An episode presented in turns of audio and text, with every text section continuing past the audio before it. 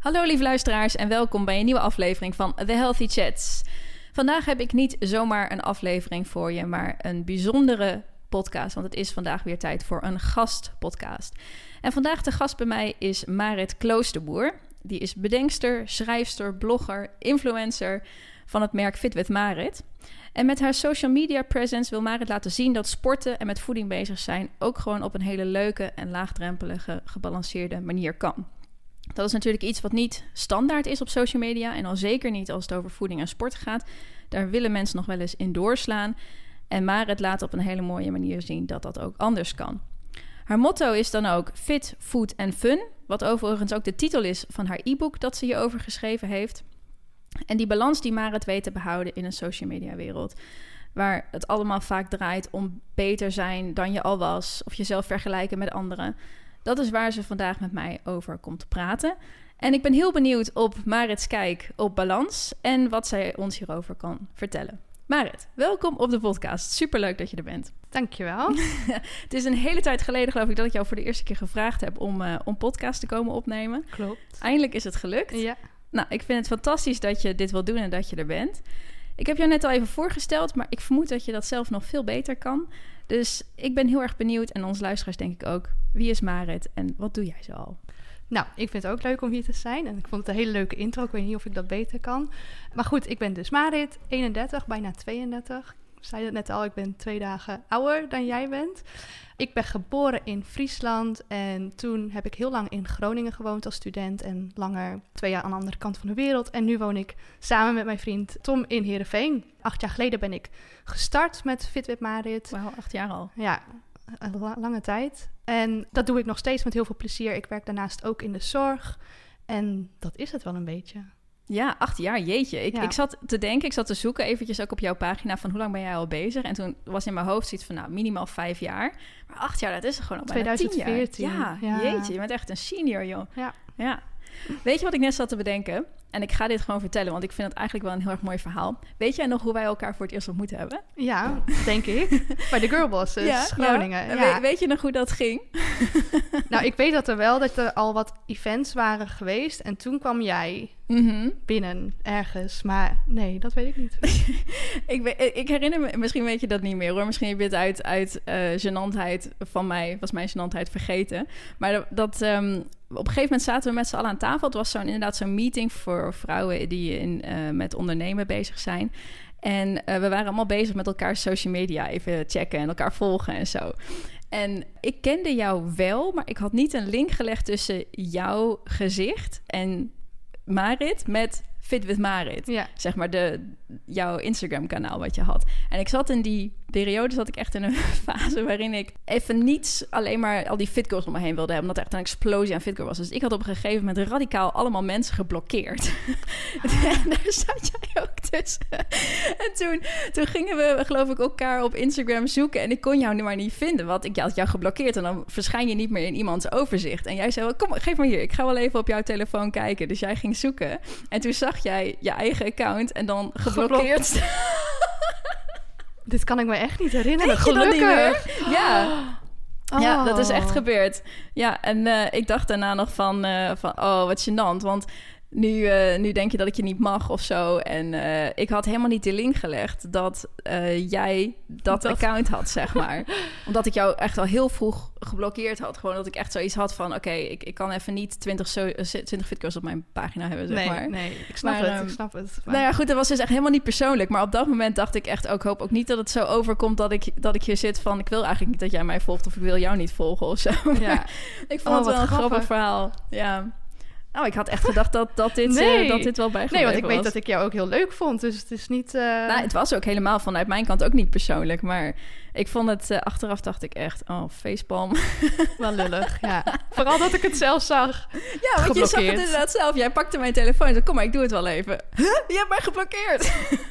Oh, dit is... En hoe lang is het geleden? Oh, dit is al wel lang geleden. Dit is denk ik al wel dik vier jaar geleden. Vijf, Ja. Vier, vijf Ja, jaar ja. geleden. Ja. Dat was echt de allereerste. Volgens mij toen, toen deed je nog Running Girls in Groningen. Die, dat sport, hardlopen Ja. sportevent en zo. Of ehm, sportgroepje. Ja. En toen, eh, ja, dat was eh, even een goede... Dat is dan zo'n binnenkomen. grappige herinnering, Ja. zeg maar, aan hoe je elkaar ooit ontmoet hebt. En nu zitten we hier. Ja, want sindsdien hebben wij elkaar, zijn we elkaar blijven volgen, Ja. natuurlijk. En hebben we wel veel contact gehad. En ik merk dat we ook een beetje samen gegroeid zijn. Want ik was ook ooit een beetje zo'n in die fit girl wereld wel onderweg met mijn sport natuurlijk. En ik ben steeds meer over balans gaan delen. En heb steeds meer laten zien dat je dus al deze dingen kunt doen op een gebalanceerde manier. Wat je denk ik al wel deed, maar waar je steeds meer van bent laten zien. Ja. En eh, dat vind ik heel mooi om te zien. Want eigenlijk, jij bent zo precies mijn voorbeeld. Als ik aan iemand vertel van, nou, het kan ook op een andere manier. Kijk even op dit account. Ja. Dan kom jij altijd eh, als een van de eerste langs. ja, Dus dat is leuk om te horen. dat is wel heel erg leuk. Ik heb voor vandaag, voordat we beginnen met, eh, met het thema van onze podcast... voor jou 20 vragen om jou wat beter te leren kennen. Mhm. Ik ben zelf ook heel benieuwd. Het zijn ook dingen die ik van jou niet weet, denk ik. En ehm, onze luisteraars ook niet. En jij weet ook niet wat de vragen zijn. Nee. Dus er is één regel en dat is... je moet zo snel mogelijk antwoorden. Dus je mag niet lang nadenken. Oké, Oké. ik ben benieuwd. 20 questions, here we go. Jij bent net verhuisd naar een huis dat jullie aan het opknappen zijn. Wat is het leukste en wat is het minst leuke klusje dat je hebt gedaan? Leukste verven. Het minst leuke behangschrapen. ja. Ik zag jou al bezig in de stories. ja, dus het voelt echt, dat is wel echt heel lang geleden. Maar nee, verven is heel leuk. Dan zie je gelijk verschil. En maar behangschaap is dus duurt heel lang. Ja, Oh, bij ons vreselijk. wel, ja. Oh, wij hadden geen, we hebben geen, we hebben spachtelpoets. Weet je dat? Oh, Dat is ook niet. Dat is van die hele kleine bobbeltjes. oh ja. Ook niet echt heel mooi, Nee. maar oké. Volgende vraag. Als je weinig tijd hebt, wat is dan jouw favoriete simpele lunch? Broodje avocado met ei. Oeh, dat is een good one. Ja. Nice. Die is ook altijd goed, weet je gewoon. Top. Wat doe jij op een vrije dag? Sporten. Mm, vaak gewoon lekker op de bank hangen met Netflix of YouTube. Lunchen vind ik heel leuk met vriendinnen, familie. Uit, uit lunchen gaan ja. dan? Oh ja. Dat soort dingen. Nou, dat klinkt best als een goede besteding van je vrije dag. Hoe kun jij goed ontspannen? Vind ik heel moeilijk. Eigenlijk door gewoon mijn mobiel weg te leggen en lekker te gaan lezen. Maar dat, hoe vaak gebeurt dat echt? dus ja, hoe, ja, vind ik moeilijk. Ontspanning. Zit hem dat soms ook in kleine dingen bijvoorbeeld? Dat je gewoon echt kan ontspannen van even een dekentje pakken of een kaarsje aandoen of zo? Dat klopt. Maar ik ga dus dan, ik zie dus ontspanning ook vaak. Oh, lekker even op de bank zitten en dan pak ik mijn mobiel erbij, lekker scrollen. Maar dat voelt achteraf helemaal niet als ontspanning. Ehm, maar wel als ik gewoon inderdaad dan even mijn nou ja, even niet mijn mobiel. Als ik mijn mobiel wegleg, ben ik eigenlijk gelijk ontspannen. Ook al kijk ik dan tv of een serie of iets. Ja. Dus je merkt wel dat, eh, dat als je op je telefoon zit, dat dat ook gelijk een beetje een stressfactor kan zijn. Mhm. Dat heb ik ook wel. Er zit zo'n tipping point in. Zo van, het is even leuk om even te zien wat de anderen doen. En daarna denk je, oké, nu moet ik hiermee stoppen. Ja. Zes minuten of Precies. en wandelen in de natuur, dat is echt ook zo. Oh ja, ultieme ontspanning. dat is ook een goed medicijn. Wat is de mooiste reis die je ooit hebt gemaakt? Australië. Australië. Oh. En wat is de mooiste herinnering die jij daaraan hebt? twee maanden een rooftop tent op de auto hebben en daarmee de hele westkust van Australië zien, Ja, wauw. reizen. Ja. ik weet dat toen volgde ik jou natuurlijk ook al. En die foto's die je deelde, dat is echt... En het is zo leuk als je daarover deelt. Want dan is het alsof je er toch ook een klein beetje kunt Mhm. zijn. Hè? Ja, dat was heel leuk. Ook als het dan hier super koud was en jij zat daar lekker in het zonnetje. Heerlijk. Wat is jouw favoriete tijd van het jaar en waarom? Zomer, omdat ik heel erg van warmte hou en lange zomeravonden dus, dat het le- lekker lang licht is. Oké, goeie. Ben jij een thee- of koffiedrinker? Allebei, maar het liefst drink ik koffie. Oké, toch stiekem koffie. Heb jij een geschreven agenda of een digitale? Geschreven. Geschreven agenda. De old school. Ja. ja. Wij zijn bijna tegelijkertijd jarig. Ja. Dat eh, zei jij natuurlijk ook al. Dat vind ik zelf ook al wel heel grappig. Dan eh, weet ik, als jij jarig bent op social media... dan komt mijn verjaardag er ook bijna aan. Wat is een van de dingen die jij dit jaar op je wenslijstje hebt staan? Oeh, ehm, lastige vraag. Ja, een goede een stoel. Hoe zeg je dat? Een fa- fa- fauteuil? Ja? Hoe noem je dat ook alweer? Ja, fauteuil geloof ik. Typ het vooral in. Ehm, ja, dat. Voor in de woonkamer? Ja. En een bepaalde kleur? Wit, bollig. Oh, zo'n schapenvachtje. Ja, nee, Oh. ja, v- ja, bollig, beetje, ik weet het niet. Oh, maar dit is heel materialistisch, eigenlijk, wat ik nu zeg. Maar nou ja, dat mag toch. kan ook de wens hebben om fit te blijven. Dat is, dat is een goede wens zo voor het nieuwe jaar Ja, wat je ingaat. precies. Dit ging over cadeautjes hoor, dus je hebt heel goed antwoord gegeven. Wat is de beste gekke pepernotensmaak die je ooit hebt geprobeerd? Karamel zeezout. Ik vind die andere niet zo. Je hebt nooit haring geprobeerd of zo? Oh nee. Haring, pepernoot? Ja, volgens mij bestaat dat. Oh. Nee. Nee, ik vind stroopwafel al een gek smaakje aan zitten. Oh, Ja. grappig. Ja, ik denk dat ik ook van de classics zou zijn. Maar toen ik het eh, zag, zo haring, pepernoten, dacht ik al... Dat is wel een Oh, goede God. challenge om het een keer te proberen. Oké, we komen bij, eh, denk ik, de wat lastigere vragen voor jou. Je moet kiezen. Sportwatch of leuke sportkleding? Leuke sportkleding. Mm, waarom? Omdat ik eigenlijk bijna nooit een sportwatch draag. Oh, en echt? Ja, graag eh, leuker uitzien in sportkleding. Oh, kijk. Nou, wat goed van je. Dan had ik eh, verondersteld dat jij ook een, s- een, een sportwatch eh, geek zou zijn. Maar dat Nee, is dus helemaal nee. niet. Nee, grappig.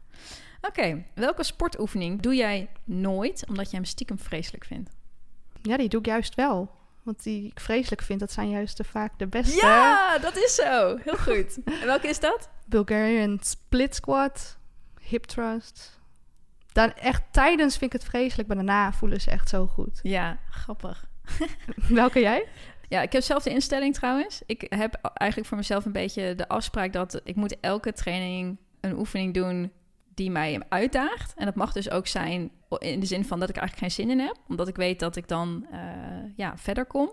En vaak ligt dat ergens in de trant van push-ups of mountain climbers of zo. Dat Ja. is niet echt mijn... Of, ehm, hoe heet ze? Commando's. Oh ja, Oh. oh, die zijn zwaar, ja. Ja, iets in die eh, richting. Ja. Wat is een sport die je ooit nog eens wilt proberen? Padellen. Ah, daar hoor ik veel goeds over. Ja, ik ook. Ik ben leuk. benieuwd. Wat is jouw favoriete gezonde snack? Op dit moment, ja, ik eet heel vaak nootjes tussendoor. En ik vind dus een rijstwafel met cottage cheese en jam heel lekker. Oh ja, dat is een goede combi. Ja. Wat is jouw favoriete ongezonde snack? Tony's, Ah, chocola. Ja, de classic, hè? Dat is altijd Ja. goed. Even kijken, we hebben nog een paar vragen te gaan. Voor Fit with Marit run jij een succesvolle website en Instagram pagina. Wat is de tofste samenwerking met een merk die je ooit hebt mogen doen?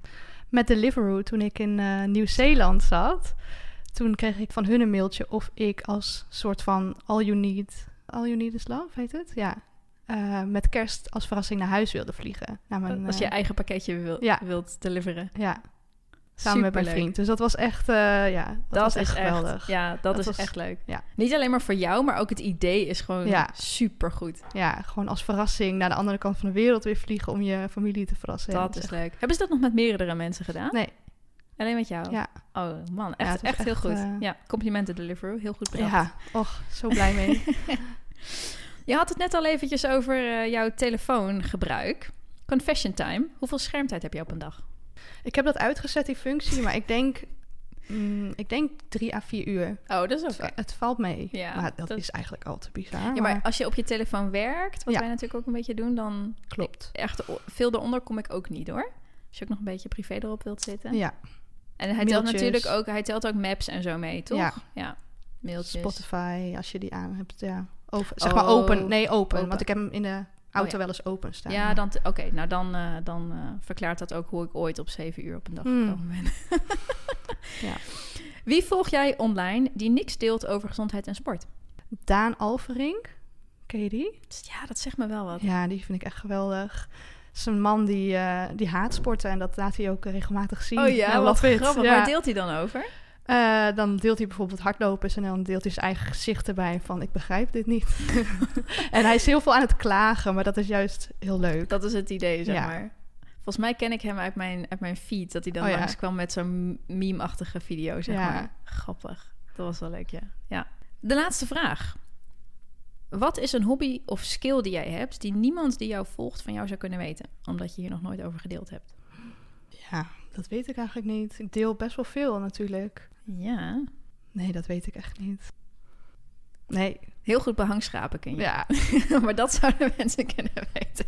nee. Nee, oké. Nou, misschien komt hij nog en dan, eh dan ik had wel, ik denk wel, de- ik dacht dus wel de, nu van ik wil een hobby. En toen dacht ik, ik ga vragen aan mijn moeder of ze me wil leren breien. Oh, dat lijkt me heel ontspannend. Hoe- Ja, oké. ja, dat is wel een goeie. Nou, dan eh, is breien de, de nieuwe secret hobby Ja. voor de toekomst. Leuk. Nou, leuk om jou op deze manier even te, te leren kennen en, en meer over jou te leren. Ik wist ook nog niet alles, dus dat is uh, wel grappig. We gaan het natuurlijk vandaag over nog veel meer hebben dan alleen maar de 20 vragen. Vooral ben ik benieuwd naar jouw balans en ook de reis die jij hebt doorgemaakt om bij balans te komen. Op dit moment uh, schrijf jij nog voor Fit with Marit op de website en jij schrijft posts op social media. Waar deel je over? Ik deel eigenlijk over nou, fit zijn. En ik ben dan acht jaar geleden begonnen met mijn reis naar fit. En hoe ik toen van een obsessieve periode heel erg weer in balans kwam. Of in ieder geval probeerde te komen. En die reis naar fit, heb ik gedeeld, maar daar ook bij mijn tips en mijn ervaringen. En gewoon laten zien dat je niet streng hoeft te zijn. Dat je gezond kan eten, kan sporten, maar ook dat er altijd ruimte is voor een chocolaatje. Dat dan niet je hele dag verpest is. Of dat het niet erg is om een workout over te slaan. Dat probeer ik een beetje te delen op, uh, ja. op mijn socials. En dat doe je volgens mij ook heel mooi. Want hè, ik zei net al, als er iemand is die over balans deelt. En als ik even een voorbeeld nodig heb met een echte persoon daarachter, dan uh, vertel ik altijd over jouw account. Ik denk dat dat heel goed overkomt. Maar je zegt zelf al van nou, het is wel een beetje een reis geweest en ik kwam uit een obsessieve periode daarvoor. Hoe, hoe was het daarvoor? Ja, ik, uh, nou, ik ben in een heel sportief gezin opgegroeid en heb altijd geschaatst tot mijn twintigste. En toen ik ongeveer 18 was, ging ik op kamers in Groningen en begon het studentenleven. Dat ging niet helemaal goed samen met mijn schaatsen in Tialf. En kwam ik wat kilo's aan. Ik stopte met schaatsen, kwam wat kilo's aan. Ging on, nou ja, ik, leefde, ik woonde net op mezelf, dus ook ongezond eten. En op een gegeven moment dacht ik, ja, zo, zo ben ik helemaal niet. Dus ik wil ook weer die kilo's kwijt. En nou, daar was ik goed in. En daar bouw ik ook een soort van controle op op een gegeven moment. Dus van een beetje afvallen werd dat gewoon heel erg de controle en obsessief omgaan met voeding en met sport. Dus ik ging heel veel hardlopen, heel veel, nou ja, wat gezonder eten, maar dat werd ook steeds minder eten. Ja, waardoor die hele balans eigenlijk daarin zoek was. Ja, dus eigenlijk, hè, want het is natuurlijk prima om, om te merken dat je niet meer helemaal jezelf bent, omdat je iets zwaarder bent, dat dat niet meer helemaal bij jou past en dat je daar wat stappen in wilt ondernemen. Dat is natuurlijk helemaal niet zo erg, maar dat is op een gegeven moment wel omgeslaan en werd toen ja, te extreem en vanuit de verkeerde, verkeerde redenen. Ja. ja, ik ging dus heel veel hardlopen, weinig eten, ook steeds meer sociale dingen uit de weg. Dus um, omdat ik dan maar de controle had op eten. En ik sprak echt nog steeds wel met vriendinnen af. Ik at ook nog steeds, maar wel veel met compenseren. Dus de ene avond, uh, gezellig avondje was die dag daarna heel veel hardlopen en uh, weer minder eten. Ja, en hoe voelde jij je toen destijds over die periode? destijds voelde ik me daar heel goed over, omdat, het, omdat ik ergens goed in was. Ik was goed in afvallen. En ja, daar voelde ik me dus heel erg goed over. Achteraf denk ik echt, wauw, ik was daar helemaal niet mezelf en totaal niet energiek. Hmm. Um, maar terwijl ik dat deed, voelde ik me daar goed bij, ja. Ja, maar als je zoveel hard loopt en dan toch zeg maar achteraf denkt van ik voelde me helemaal niet energiek. Waar merkte je dan bijvoorbeeld aan dat je helemaal niet zo energiek was? Omdat ik meer op overleven zat. Dus ik kwam thuis van werk en stage. Nou ja, als student heb je natuurlijk best wel een druk leven met stage, school en werk. En ik moest dan van mezelf nog hardlopen en zo, terwijl ik daar eigenlijk helemaal geen puff meer voor had. Maar ja, dat, daar, ja dan overleef je daar een beetje op. Ja, je wist dat dan toch nog ergens vandaan te halen dan die energie. Ja. Ja, en hè, je hebt op een gegeven moment is jou wel opgevallen dat dat niet helemaal goed was. Want je hebt natuurlijk wel de omslag gemaakt. Je zit hier nu als een, een heel ander persoon. Hoe is dat gegaan? Wanneer dacht jij van oké, dit is misschien niet meer helemaal goed? Eigenlijk begon dat, uh, want ik zag het zelf totaal niet. En ik, ik stond elke dag op de weegschaal. Dus ik zag het getal wel steeds lager gaan. En dat was juist voor mij ook de motivatie om weer door te gaan. Want elke dag wilde ik gewoon lichter zijn. Achteraf denk nu denk als ik dat nu zeg, denk ik echt, jeetje, waarom? Maar ik zag, ik zag dus mezelf niet echt veranderen in de spiegel. Hmm. Maar ik kreeg wel opmerkingen vanuit mijn omgeving. En ook wel nou ja, vanuit mijn moeder en vriendinnen die zich zorgen maakten over dat ik gewoon veel afviel. En dat wuifde ik eerst altijd weg, maar op een gegeven moment raakten me die opmerkingen en werd ik steeds bewuster van wat ik zag in de spiegel, maar ook bewuster van, wauw, ik ben niet meer de Marit die ik was. Dus ik ging altijd heel chill met eten en sporten om. En nu ineens was ik zo gefocust, zo obsessief met alleen maar het doel om af te vallen. Voor wie eigenlijk? Voor wie wil je afvallen? En toen merkte ik ook dat mijn, nou ja, mijn hele fysiek gewoon niet meer mooi was, omdat ik dun was.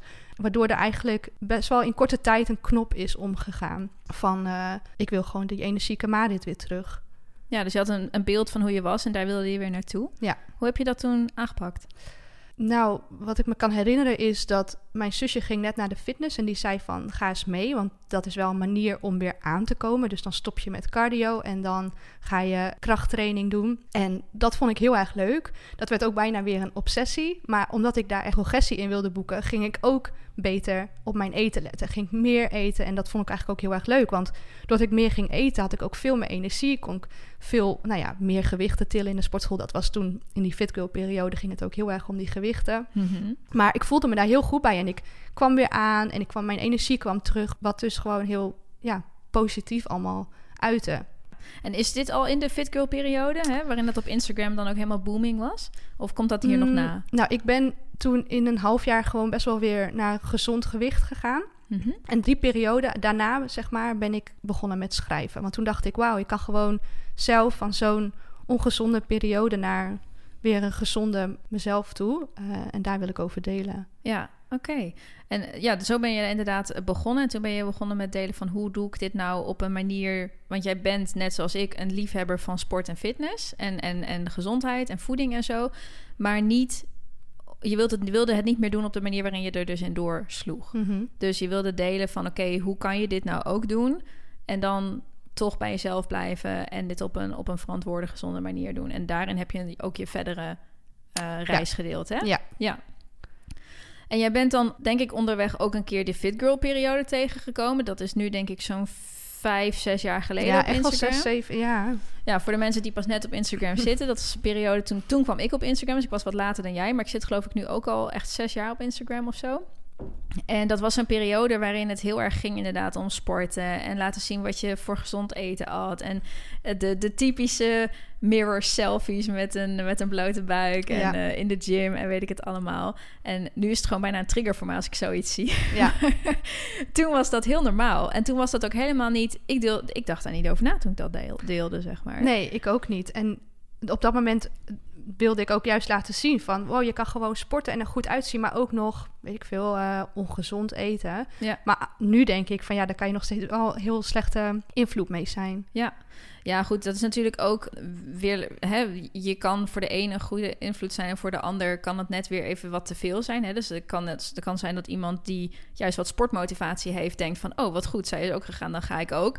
En dat iemand die misschien zelf al heel obsessief is... denkt van, oh, maar zij is gaan sporten... dan betekent dat dat ik ook moet gaan sporten. Hè? Dus die grens is natuurlijk ook heel klein... waar, je, waar je op ja. probeert te lopen. Ja. Heb jij in die fit girl periode zelf ook wel eens het gevoel gehad... dat je je liet beïnvloeden door wat anderen deden? Want jij zat geloof ik ook echt in zo'n community van anderen... die toen ook bekend aan het worden waren met hun fit girl Klopt. Instagram, zeg maar. Ja, dat Was dat, hoe was die community? Was dat heel positief of was dat toch ook wel negatief beïnvloedend? Ik zag het wel als positief, dus op een hele leuke manier. Kijk, ik had mijn hele leven ook al gesport en er zijn gewoon op dat moment waren er heel veel mensen die ook niet sporten. Dus ik vond het juist een hele leuke beweging dat iedereen zo aan het sporten was. En, en niet iedereen, maar zij bijvoorbeeld die community wel, waardoor ik heel erg leuk vond om like-minded people daarmee te, te kletsen en op Instagram te zitten. Maar ja, en ik denk dat ik ook vast wel eens druk heb ervaren van ook ga wel naar de gym of ik moet wel die foto posten of ehm, ik moet er wel fit uit blijven zien, een sixpack. Maar nee, ik, ik zie dat niet als iets heel negatiefs nu. Nee, dus eigenlijk gewoon als... eh, hey, jij had denk ik jezelf toen al zover onder controle dat het jou motiveerde... maar dat het niet meer doorsloeg en dat het gewoon... Het bleef gewoon bij positieve motivatie en een gezellige community... en niet bij ik moet nu gaan sporten, wel ik eigenlijk niet wil... of Ja. eh, ik moet op een bepaalde manier uitzien terwijl ik eigenlijk super moe ben of zo. Nee, klopt. Nee, nou, dat klinkt heel goed. Heb je wel eens het om je heen het gevoel gehad dat dat anders was? Ehm, ja, ik denk zeker wel dat, los van dat je echt op Instagram deelde wat je deed, dat het, heel, dat het wel echt een periode is geweest. Dat- die selfies delen in de sportschool, dat was wel echt een ding. En als je daar niet stond, ochtends, ja, dat, nou ja, zo. Is- Dan, dan werd er wel... eh, nou ja, dan, dan werd je wel gemist, zeg maar. Ja, dat denk ik. Ik denk dat mensen daar wel een druk van hebben ervaren. Ik moet erbij horen of ik moet blijven trainen, want anders is mijn sixpack weg. Dat was toen wel echt een dingetje van, wow, als je op vakantie gaat, wat gebeurt er dan? En Oh ja, ja. Grappig, want daar, daar hield het bij mij altijd op. Ik heb altijd een beetje gesport op de manier waarop ik het fijn vond. Ik ben echt iemand die, als ik mezelf dingen op ga leggen, ga ik gelijk in de weerstand. Dus dat werkt bij mij totaal niet. nee, Dus ik moet het altijd op een leuke manier benaderen. ja. En dan is dat maar drie keer in de week of vier keer in de week... in plaats van iemand die dan zeven keer gaat elke ochtend om zes uur of zo. Dat, zo iemand ben ik nooit geweest, zou ik waarschijnlijk ook nooit worden. Maar ehm, ja, ik kan me voorstellen dat je je daar wel door kan laten beïnvloeden. Ja. Ja. ja. En nu zitten we nu weer in een hele andere fase van de ontwikkeling van Instagram. Nu gaat het weer heel erg over... Oh, we moeten niemand triggeren met onze content. hè? Mhm. En zoveel mogelijk balans delen en zoveel mogelijk de, de, de mogelijke triggers die er zijn kunnen vermijden. Ervaar je dat ook? Dat, dat het nu weer de nieuwe fase is? Ja, ik heb het ook wel eens met jou over gehad. Het voelt soms alsof je overal disclaimers voor moet geven. Dus ik vind het nu nog steeds heel leuk om mijn eh, workout te delen. Uh, maar soms heb ik bijna al de neiging om daarbij te zetten... dit doe ik maar één keer per week hoor, niet elke dag. Of dat je een workout wel of niet wil delen. Of gezonde voeding, dat je twee broodjes laat zien... maar dat je daar wel bij moet vertellen dat je ook nog iets anders hebt gehad bij de lunch. Dus het is nu... Worden veel meer vragen gesteld bij wat je doet... En je moet ook jezelf constant een beetje uitleggen of verantwoorden dat, wat jouw levensstijl is. Ja, ja, dat herken ik helemaal. Uh, ik denk dat ik nog sneller met mijn neus op de feiten gedrukt word, omdat ik ook nog echt zo'n zo'n zakelijke voorbeeldfunctie heb. Hè? Ja, een coachende rol. Precies, ook, ik heb ja. natuurlijk een coachende rol. Dus dan, dan ben je ook automatisch... Ik heb, ik heb een veel kleinere following, following dan jij. Maar ik heb voor veel mensen denk ik wel zo van... zij weet hoe het moet, want zij coacht. Dus dan Ja. moet ze weten hoe het moet. Dus jij bent mijn rolmodel, misschien bewust of onbewust. En als ik dan een keer iets doe wat dan niet exact is... wat ik ook eh, mensen leer... omdat ik zelf natuurlijk in een hele andere situatie zit... dan word ik daar wel gelijk op gewezen, ja. Mhm. Ehm, ja, en ik krijg dan ook echt wel eens reacties van mensen, eh, nou ja, waarin ze dan uitleggen hoe iets overkomt op hun, wat ik deel. En je kan natuurlijk één ding delen en dat kan op heel veel verschillende manieren overkomen. En ik kan natuurlijk nooit al die twintig manieren bedenken waarop dat dan op ieder verschillend persoon weer kan overkomen. Mhm. Dus ik heb soms echt wel het gevoel dat ik mezelf alleen maar in, in disclaimers aan het hullen ben, om niemand, eh, niemand op zijn triggervoetjes eh, te trappen, zeg maar. Klopt. En dan heb je soms ook zin om het helemaal niet te delen. Denk je, laat maar. Ja, is- exact. ja. Ja. Heb jij ook wel eens dat je, dat je echt reacties van mensen erover krijgt? ja, maar ik probeer het wel altijd heel erg te dekken. Dus altijd erbij zetten van, eh, nou ja, dit is maar een deel van mijn lunch of een deel van mijn avondeten. Maar ik krijg ook wel eens reacties erop van, oh, eet jij zo weinig of eet jij zoveel? Dus ja, het is nooit echt goed Het is natuurlijk. nooit goed. Nee. voor anderen. En, maar ik snap het wel, want je, je bent ook een soort voorbeeldfunctie. Dat ben jij ook. Dus je bent een rolmodel en mensen zien bij jou van... oh, dat bordje en jij bent gezond en jij bent in balans. Dus dat bordje, dat moet ik zo kopiëren. En die vragen misschien wel hoeveel gram van dit, hoeveel gram van dat. Terwijl ja, jij, ik ook, eet veel meer op gevoel. Dus ik heb geen idee hoeveel er op mijn bord ligt. Maar hier voel ik me goed bij. Ehm, dus dat is soms wel eens lastig, want... Waar je je goed bij voelt, is soms lastig te verantwoorden. Of Ja. te uit te leggen. Uitleggen. Ja, klopt. Ja, en soms kan het ook zijn dat je iets doet wat voor jou goed werkt, wat voor een ander echt totaal niet zou kunnen werken. Mhm. Ik denk even aan een periode waarin ik bijvoorbeeld intermittent fasting heb gedaan, omdat mijn hormonen helemaal in de war lagen en dat even gereset moest worden, waar intermittent fasting dus heel geschikt voor is, zou ik nooit iemand aanraden met een eetprobleem. Maar op dat moment voor mij, met, voor iemand met een gezonde relatie met eten, was dat echt een uitkomst. Het heeft mij zo erg geholpen. Maar dat kon ik doen omdat ik een goede basis had. Mhm. Hè? En dat zijn de mensen die, eh, die ik coach, die hebben die basis vaak nog niet. Nee, Waardoor- zijn op zoek naar... Precies, die zijn op zoek naar die basis. Dus die moeten helemaal niet met intermittent fasting vaak beginnen.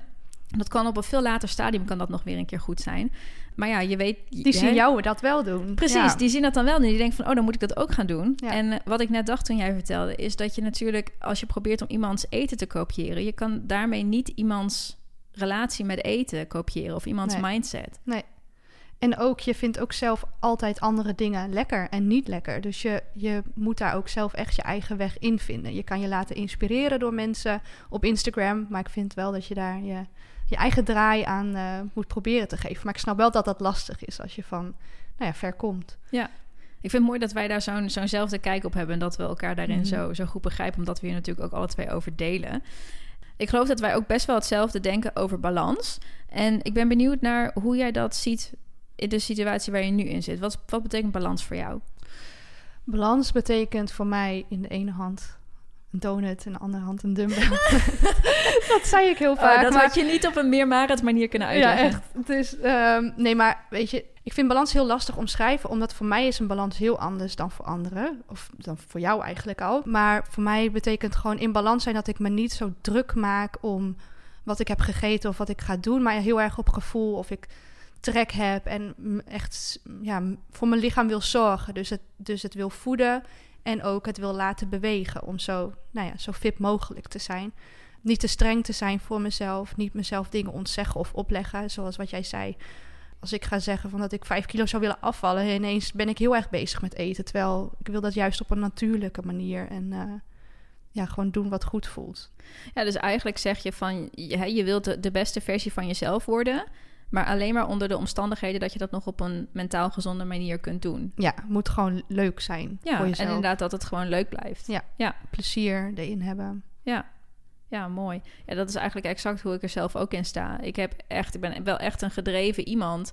En ik hou ervan om mezelf uit te dagen en nieuwe dingen te proberen. En daar hebben we het eerder ook al over gehad. Ehm, maar ik weet heel goed aan te voelen waar ook de grens van doorslaan ligt. En ook weer de grens van, oké, nu doe ik te weinig. Nu heb ik te lang even hè, eh, lekker chill gedaan of, eh, of op vakantie eh, even hè, gewoon genoten. Ja. En dan, dan geniet ik er ook weer van om weer terug te komen bij mijn gewone leven waar ik me dan goed bij voel. Ja, maar dat is, dat is ook balans. Ja. Om de ene periode te, wat meer te chillen en de andere periode wat harder te Ja. sporten. Ja, en dat, dat je soms ook periodes wat meer chillt. Ik denk dat sommige mensen dat al associëren met uit balans zijn. Ja. Terwijl je soms, als je eigenlijk luistert naar je lichaam, heeft je lichaam dat soms ook even nodig. Tijdens de vakantie is het juist lekker dat je even je lichaam wat meer met rust laat. En Ja, je kan ook niet altijd pieken, hè? Nee. Nee. En inderdaad, als we kijken naar een gezonde levensstijl, dan is balans natuurlijk een, niet alleen maar sporten en voeding, maar ook genieten en rust nemen en sociale activiteiten kunnen doen. En hè, het gevoel hebben dat je, dat je in het leven staat, dat je Mhm. de dingen kunt doen die je wilt doen. Het is veel breder dan alleen maar je, je voeding en, en je sporten eh, in perfecte eh, balletjes omhoog te houden, zeg maar. Ja. Raak jij ook wel eens uit balans? Ehm, dat vind ik een lastige, omdat ik niet echt het idee heb dat ik uit balans ga, omdat dit gewoon mijn levensstijl is. Dus ik ben echt gewoon heel erg gewend om in balans te zijn en ik zie, de, ik zie niet bepaalde dingen. Het is niet alles of niets bij mij. Dus ik ben niet heel snel. Ik zie niet als ik ongezond eet of zo, of een taartje eet in de ochtend, dat ik dan gelijk eh, mijn dag heb verpest en helemaal uit balans ben. Zoals komend weekend heb ik bijvoorbeeld een vriendenweekend en we zullen dan niet zo eh, gezond eten waarschijnlijk. En ik krijg energie van mijn vrienden, maar ik krijg niet energie misschien van wat we allemaal eten. Of in ieder geval heb je wat meer dipjes en zo. Maar dan heb ik maandag niet dat ik denk, nou, ik moet nu weer helemaal eh, compenseren en eh, gaan sporten, gezond eten. Dan ga ik vanzelf wel weer kiezen voor gezonde voeding en voor beweging, waar ik juist weer energie van krijg. Dus ik heb dan niet het gevoel dat ik die maandagochtend helemaal uit balans ben. Of dat ik tijdens het weekend helemaal uit balans ben. Het wordt er gewoon een beetje bij. Dat is juist die balans. Ja, Ja. lastig. Ik vind het lastig te verwoorden. Ik denk dat veel vrouwen die hiermee struggelen zullen denken dat ze het met zo'n weekend verpest hebben. Ja. Hoe, hoe zou jij daarover denken? Nou, en dan denk ik dus dat je een beetje te, in het alles of niets. Dus hè, ik begin, je begint zo'n weekend met een croissantje ochtends en dan nou laat maar ook de hele dag eh, is, ongezond. Dus ik snack, ik snack alleen maar ongezonde dingen en ik ben niet meer lief voor mijn lichaam. Terwijl ik luister op zo'n, tijdens zo'n weekend nog steeds naar mijn lichaam. En ik zorg dat ik ook even tussendoor een appeltje neem of weet ik veel, snackworteltjes. Zodat ik ook die energie blijf houden gedurende het weekend. Maar het is niet gelijk alles of niets. Ja, ik denk dat dat komt omdat jij nu al zoveel jaar gewerkt hebt aan die gezonde relatie met eten. En dat jij, als je dan een keer iets ongezond eet, omdat je dat regelmatig doet, ook niet het gevoel hebt van nu moet ik het ervan nemen, want straks mag het weer niet meer. Mhm. En dat zie ik heel vaak in de praktijk, dat mensen het zich dan zo erg ontzegd hebben, dat ze Ja. het gevoel hebben dat als ze het dan een keer eten, dat het niet bij die ene keer blijft, maar dat ze echt heel erg gaan overeten. Ja. En dan zijn ze bang dat ze daar heel erg van zouden aankomen. Ja, en dan weer overcompenseren eh, Ja. daarna.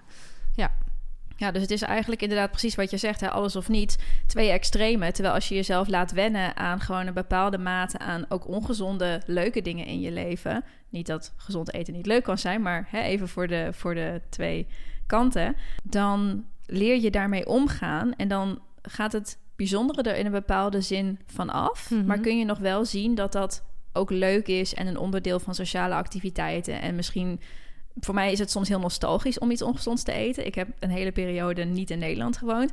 Dus ik ben echt zo'n fan van, van, die, van die koeken die je dan vroeger mee naar school kreeg. Want dat heb ik heel lang... Welke? Van die milkbreakkoeken, ken je die? Die roos-witte? Ja. Zijn die er nog? Ja, die staan nog. Oh. Ja, en, en andere Nederlandse dingen die dan heel typisch wel van die kleine Ja. doosjes rozijnen. Nou, dat is dan best gezond, maar dat is voor mij super nostalgisch. Softijsjes ook. Om te eten, omdat dat het gaat niet eens puur om de smaak. Het gaat niet eens om, eh, om de gezelligheid eromheen. Het gaat om de beleving en de Mhm. herinnering aan vroeger. Ja, maar En- daarna voel je niet dat je uit balans bent. Nee, absoluut niet. Nee. Maar ik heb niet, ik eet op die regelmaat dat soort dingen, dat ik niet het gevoel heb van, oh, ik heb al drie jaar geen softijs meer gehad. Nu moet ik softijs eten, dan eet ik het gelijk een week lang eh, elke dag of zo. Nee. Dat is nooit nodig. Nee. En als je dat jezelf nooit toestaat, dan denk ik dat, dat, dat je daar wel in kan komen. Ja, dan heb je het gevoel dat je iets in moet halen. En ja, ja. Maar je hebt dus nooit het gevoel dat je met zo'n weekend eh, iets, iets verpest of zo. nee, helemaal niet. Heerlijk zo'n weekend juist. Da- daardoor laat je ook weer op. Juist door met mensen te zijn en even niet sporten. Nou ja, gewoon even genieten. En niet, ik ben dan echt niet met eten bezig. Nee. Waar ben je wel mee bezig? Wat bedoel je? Nou, ik vraag dat omdat hè, ik denk dat, dat er dus veel vrouwen zijn die naar zo'n weekend gaan, dat die echt alleen maar met eten Mm. bezig zijn. En ook niet weten waar ze dan anders mee bezig zouden moeten zijn. Dus ik ben benieuwd waar jij je dan op focust. Waar haal jij je plezier uit? Wat, wat, eh, wat is on your mind op zo'n weekend? Tijdens zo'n weekend ben ik echt heel erg bezig met de omgeving. En vind ik het alsnog leuk om in de keuken te staan om bijvoorbeeld banaanpannenkoekjes te maken. Ehm, ben jij zo iemand die dan 's morgens heel vroeg opstaat en voor iedereen banaanpannenkoekjes ja, maar dan de rest van de dag doe ik niks meer, zeg maar. Daarna mogen ze lekker afwassen. job, Ja, bye. ja, dan vind ik dat. Dan sta ik het liefst 's ochtends in de keuken. Ja, dan heb ik het gehad. Oh, wat leuk. Ja, nee, maar dat is echt. Dat is gewoon eh, genieten van alles wat, eh, wat er maar gewoon komt. En niet te veel verwachtingen hebben. Dat helpt ook heel Ja. erg bij mij. Oh, fijn. En hoe had vroegere Marit dit gedaan? Ik denk gewoon al sowieso eh, van tevoren veel hardlopen. Sportspullen mee. Misschien gebeurt dat dit weekend ook. Dat weet ik niet. Maar dat is niet dat ik daar, dat, dat verwacht. omdat we met z'n allen gaan sporten of hardlopen.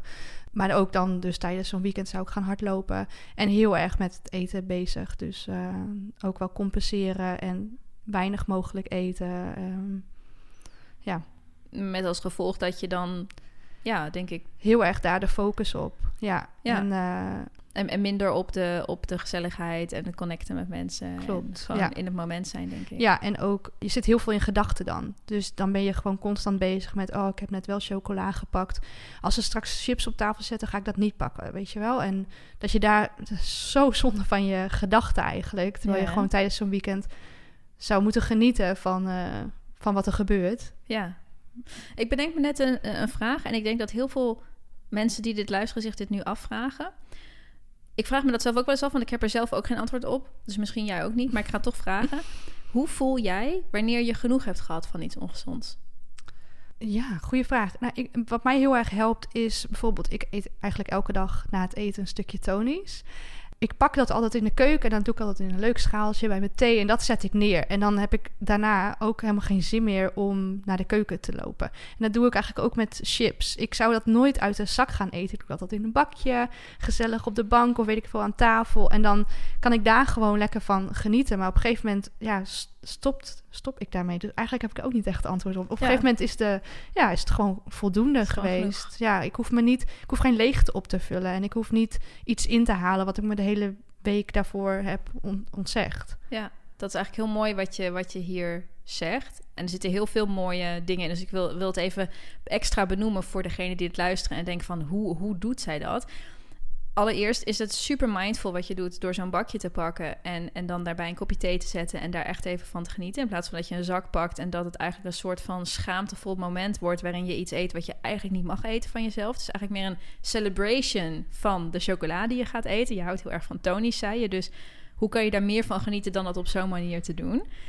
En tegelijkertijd zeg je van oké, ik heb niet iets goed te maken of zo. Dus ik kan stoppen als ik merk dat ik genoeg van die smaak heb gehad of dat ik, dat ik verzadigd ben. En ik Mhm. weet dat ik altijd weer opnieuw iets mag nemen. Wa- Waarschijnlijk de dag daarna. Wat me ook helpt trouwens is, ik ben ook al verzadigd na het avondeten. Waardoor zo'n stukje chocolade is gewoon lekker voor de smaak en iets extra's. Maar het is niet om, nou ja, wat ik zei, een leegte op te vullen. Ja. Ik ben dan al verzadigd. Ja, je gaat als een verzadigd persoon door het leven. Ja, maar ik moet niet een zak chips denk ik openen als ik echt trek heb. Dan ga ik liever eerst even een broodje smeren, zodat die echte trek weggaat. En dan kan ik lekker genieten van een chippy. Of...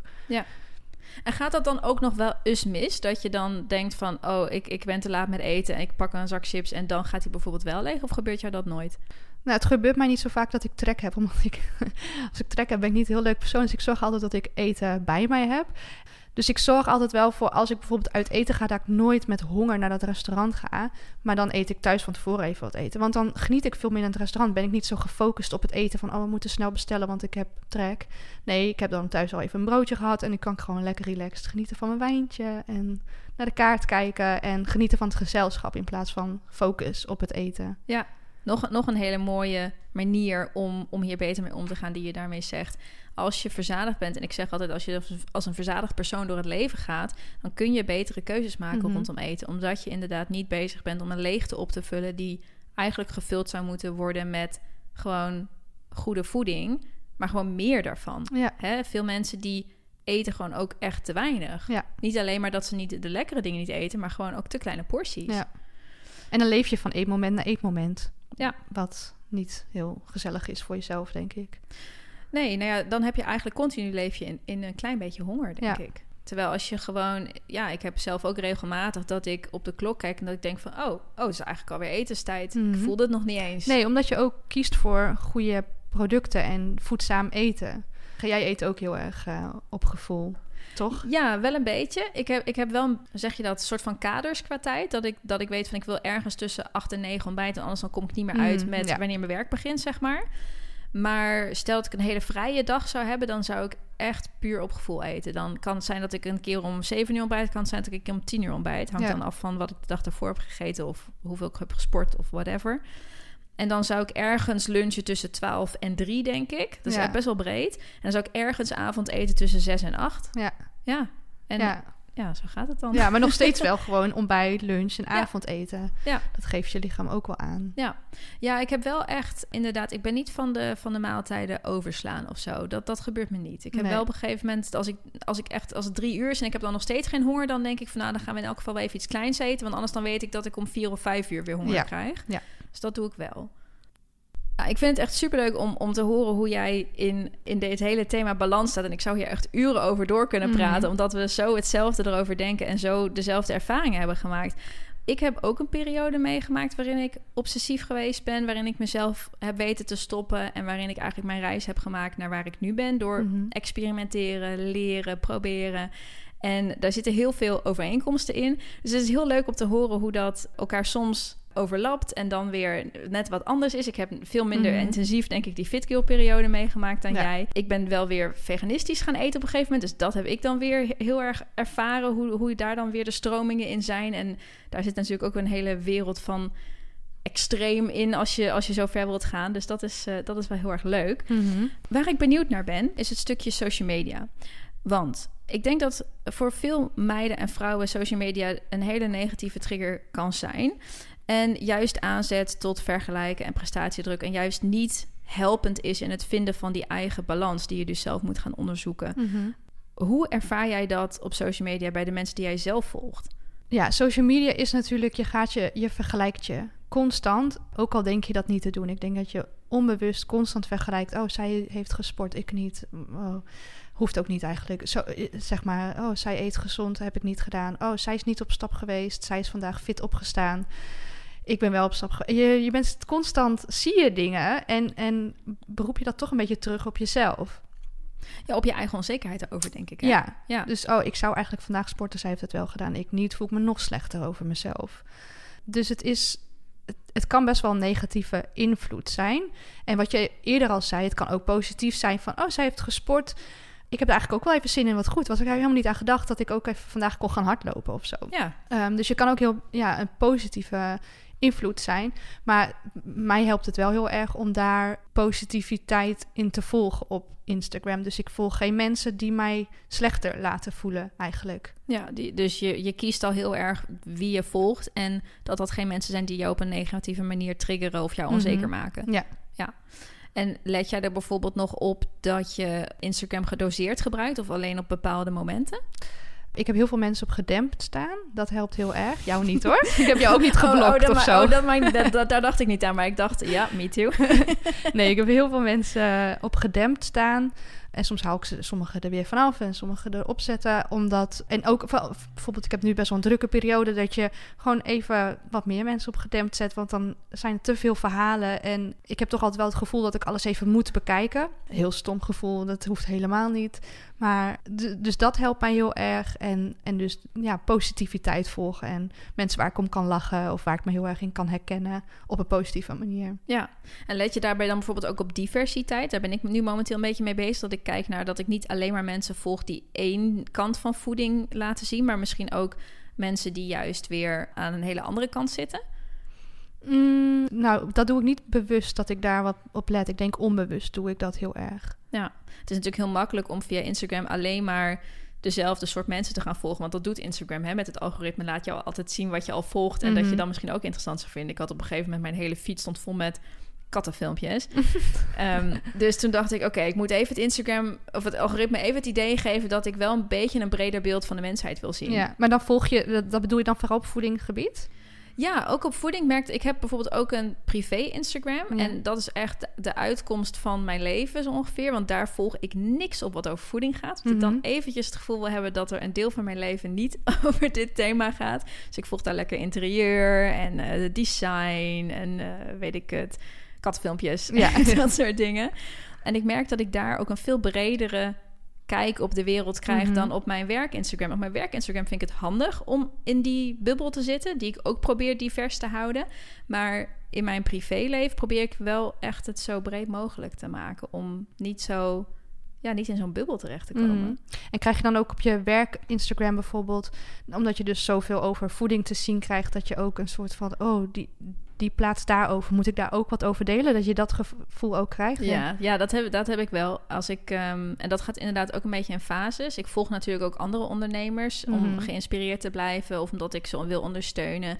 En soms zit je zelf even in een fase waarin het even wat minder gaat. Mhm. Hè? Omdat je, weet ik veel, met je ziek bent nu afgelopen tijd of slecht geslapen of je bent aan het verhuizen en je hebt er niet zoveel focus op. Ja, of je hebt gewoon even geen inspiratie, kan Ja, ook. Ja. hè, of zoiets. En als ik dan zie dat iemand helemaal hard aan het gaan is en Mhm. al die posts eruit gooit en de ene is creatiever dan de ander, dan kan ik daar wel een beetje onzeker over Ja. worden. Ja. of nu met die filmpjes van, eh, die reels. ja, Ja, TikTok eh, dingen en zo die je Ja. dan... eh, ja, ik zit er nu uit te beelden, maar dat zie je niet. ja, ik zit ook al tijd wild met mijn handen te praten. Maar goed, dat is dan even voor, de, voor het visuele Ja. idee.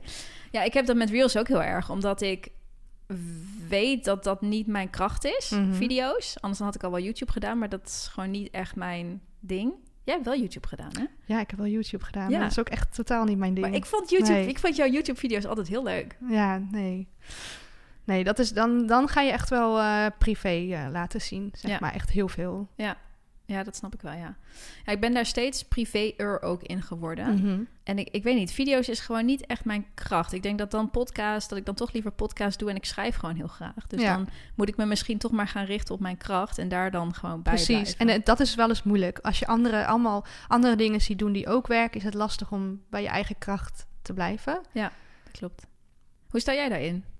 Ik heb ook wel heel erg wisselende eh, dingen dat ik denk, oh, dat, dat is ook leuk om te doen op Instagram. Of ik lees een post, denk ik, oh, dat is ook hoe ik het wil zeggen eigenlijk. Je herkent je heel veel dingen. En dan is het soms lastig, want dan, denk- dan word ik soms ook gedemotiveerd van, oh, laat maar, ik, ik doe het helemaal niet leuk. En eh, mensen vinden het helemaal niet leuk meer om mij te volgen. Want wat laat ik nou zien, weet je wel?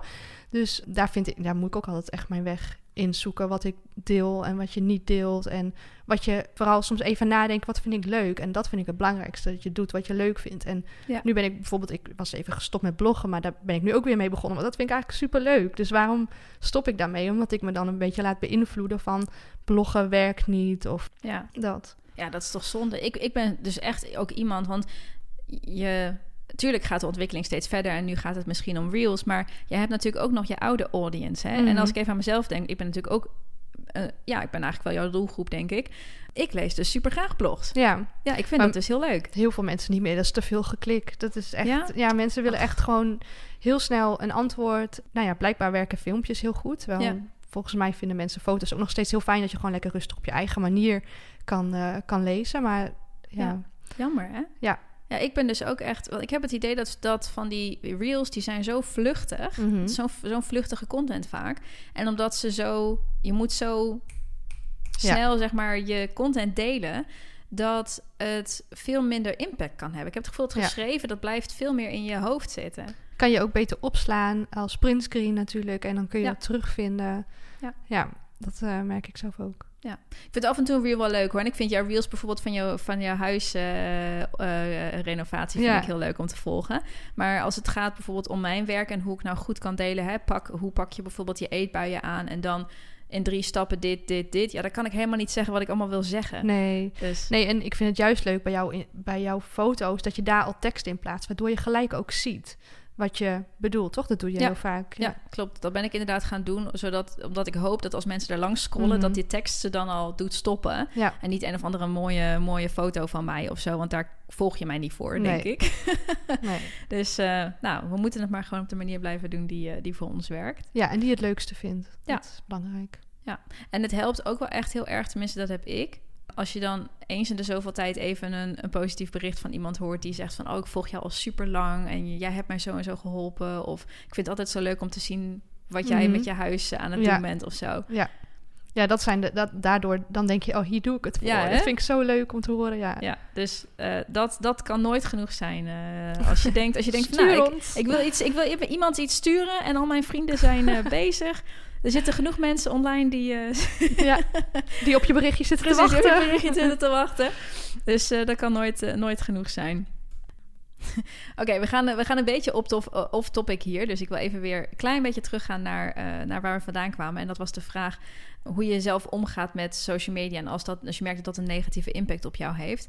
Doe je bijvoorbeeld ook je telefoon weg op een dag dat je niet lekker in je vel zit? Of dat je even ja, niet zo, je niet zo zeker voelt? Nee, juist dus niet. En dat moet ik wel gaan doen. Juist als ik me wat slecht voel, uh, dan grijp ik heel snel naar mijn telefoon. Omdat ik dan denk, ja, ik wil gewoon afleiding, uh, iets positiefs, even lachen of zo. Maar daar, ik voel me daar alleen maar slechter door. Dus dat probeer ik nu wel heel erg ja, om te zetten. Dus leg je mobiel juist op die momenten weg en ga lekker wandelen, de natuur in. Even bewegen, een boekje lezen. En nou ja, dat, dat, daar moet ik mijn weg nog een beetje in vinden. Want het is gewoon een verslaving. Ja. Die... Uh, die hardnekkig is. Ja. Maar um, nee, dus, dus dat is... Terwijl ik dat terwijl echt... Je, dat moet je juist wel doen. Als je je slecht voelt, moet je echt niet op social media... of ik in ieder geval niet, niet op social media gaan zitten. Ja, ja, herken ik wel. Ik heb de valkuil de andere kant op. Want ik ben dus nu zo blij met mijn privé-account... dat ik dan Ah. echt alleen maar daarop ga zitten... en daar dan niet meer uit wil. Ja. het zo fijn is. niet die overstap wil maken. Ja, dan, dan zit ik daar twee, drie dagen... en denk oh shit, ik heb helemaal niks meer gedeeld op mijn eigen account. Oh ja, oh, dat is ook... Maar dat is wel leuk, want dat is wel ontspanning... Ja. en dingen waar je dus op dat moment even plezier in hebt. Ja, het werkt wel echt heel goed om. En ik denk dat de les die je daaruit zou kunnen halen is: zorg dat je niet alleen maar met sport en voeding bezig bent, maar dat je in elk geval een deel van je leven is dat op Instagram met een tweede account, is dat omdat je gewoon een breed arsenaal mensen volgt, zeg maar, of is dat omdat je in je privéleven nog andere dingen hebt, maar zorg dat je niet dat je leven niet alleen maar bestaat uit sport en voeding, zodat als je merkt dat je daar even niet Mhm. blij van wordt, Ja. dat je daarin getriggerd wordt, dat je ook nog andere delen van je leven hebt om je op te richten. Ja, en waar je dus energie uithaalt. Ja, dat denk ik dat uh, dat, dat een, de mooie les hieruit is. Je had net al een hele mooie tip gegeven. Hè, van als je merkt dat je, dat je niet lekker in je vel zit, doe je telefoon weg, ga lekker wandelen of iets dergelijks. Wat zou jij een meisje of een jonge vrouw aanraden die ook net zoals jij vroeger in een fase zit waarin ze merkt: oké, okay, ik ben obsessief, ik begin een beetje de grenzen op te zoeken dat het nog wel goed is. En ik wil eigenlijk gewoon met sport en voeding omgaan, want dat vind ik leuk, maar dan op een goede manier. Mhm. Wat zou jij haar als tip kunnen geven? Nou, dat heeft heel veel met durven te maken. Dus echt de controle daarop durven los te laten. En bijvoorbeeld eens een workout over te slaan. En niet als je zin hebt om te sporten, dat je hem dan moet overslaan. Maar gewoon dat je denkt, oh, morgen ben ik eigenlijk gewoon te druk om te gaan sporten. Maar ik moet sporten. Dat je dan juist denkt, nee, ik sla me eens gewoon over. En kijken wat het met je doet. Je gaat dan merken dat het best wel goed is voor je lichaam. Of dat je juist even die rust nodig hebt. En dat je niet ineens 10 kilo aankomt omdat je één keer sporten overslaat. Je kan er ook bijvoorbeeld even in plaats van een sportsessie een half uurtje of een kwartiertje gaan wandelen. En dit geldt ook voor iets ongezonds eten. Want hè, als je obsessief omgaat met eten, zijn er vast wel wat dingen qua eten die je jezelf echt verbiedt, of dat mag je echt niet hebben. Gun jezelf daar wel van. En wat ik, zei, wat ik al eerder zei, eh, hè, doe het gewoon in een bakje, chips in een bakje, en geniet er dan juist van. En merk, eh, ervaar dus dat je dan niet gelijk kilo's aankomt en eh, je hele energie weg is en je hele levensstijl verpest is. Maar het is dus heel erg van durven en daardoor ervaar je. En daar moet je ook in experimenteren, want het gaat niet allemaal in één keer goed. En daardoor ga je gewoon merken dat je steeds meer ja, dat die controle kan loslaten daarop. En meer blij kan worden van andere dingen. In plaats van dat je denkt dat je alleen maar blij kan worden van sporten en gezonde voeding. Ja, wauw. ik, ben, ik ben echt stil van. Jongens, dit is gewoon... Alsjeblieft, haal de podcast erbij en schrijf dit op je muur. En, en kijk je elke dag naar. Dit is, toch, dit is toch hoe het moet. Dit had ik niet mooier kunnen zeggen. Het is het exact. Het is uh, durven, experimenteren, ervaren... en zien dat het anders kan. Ja. En hoe mooi je dat gezegd hebt, ik had het, uh, ja, ik had het niet zo mooi kunnen zeggen. Dus uh, prachtig. Nou, dank je. Heel erg, heel erg bedankt voor deze toevoeging. We zijn een beetje aan het einde gekomen van onze podcast. Ik, ik uh, heb superveel over jou geleerd in deze podcast. Ook wat ik nog niet wist. En ik volg jou dus ook echt al zes jaar of zo. Voordat je mij... Uh... Voor de, nadat ik jou geblokkeerd had. Toen inderdaad. Um, en ik denk dat jij een heel mooi rolmodel bent voor meisjes die mij volgen. Voor jonge vrouwen die mij volgen. Die op zoek zijn naar hoe kan ik nou...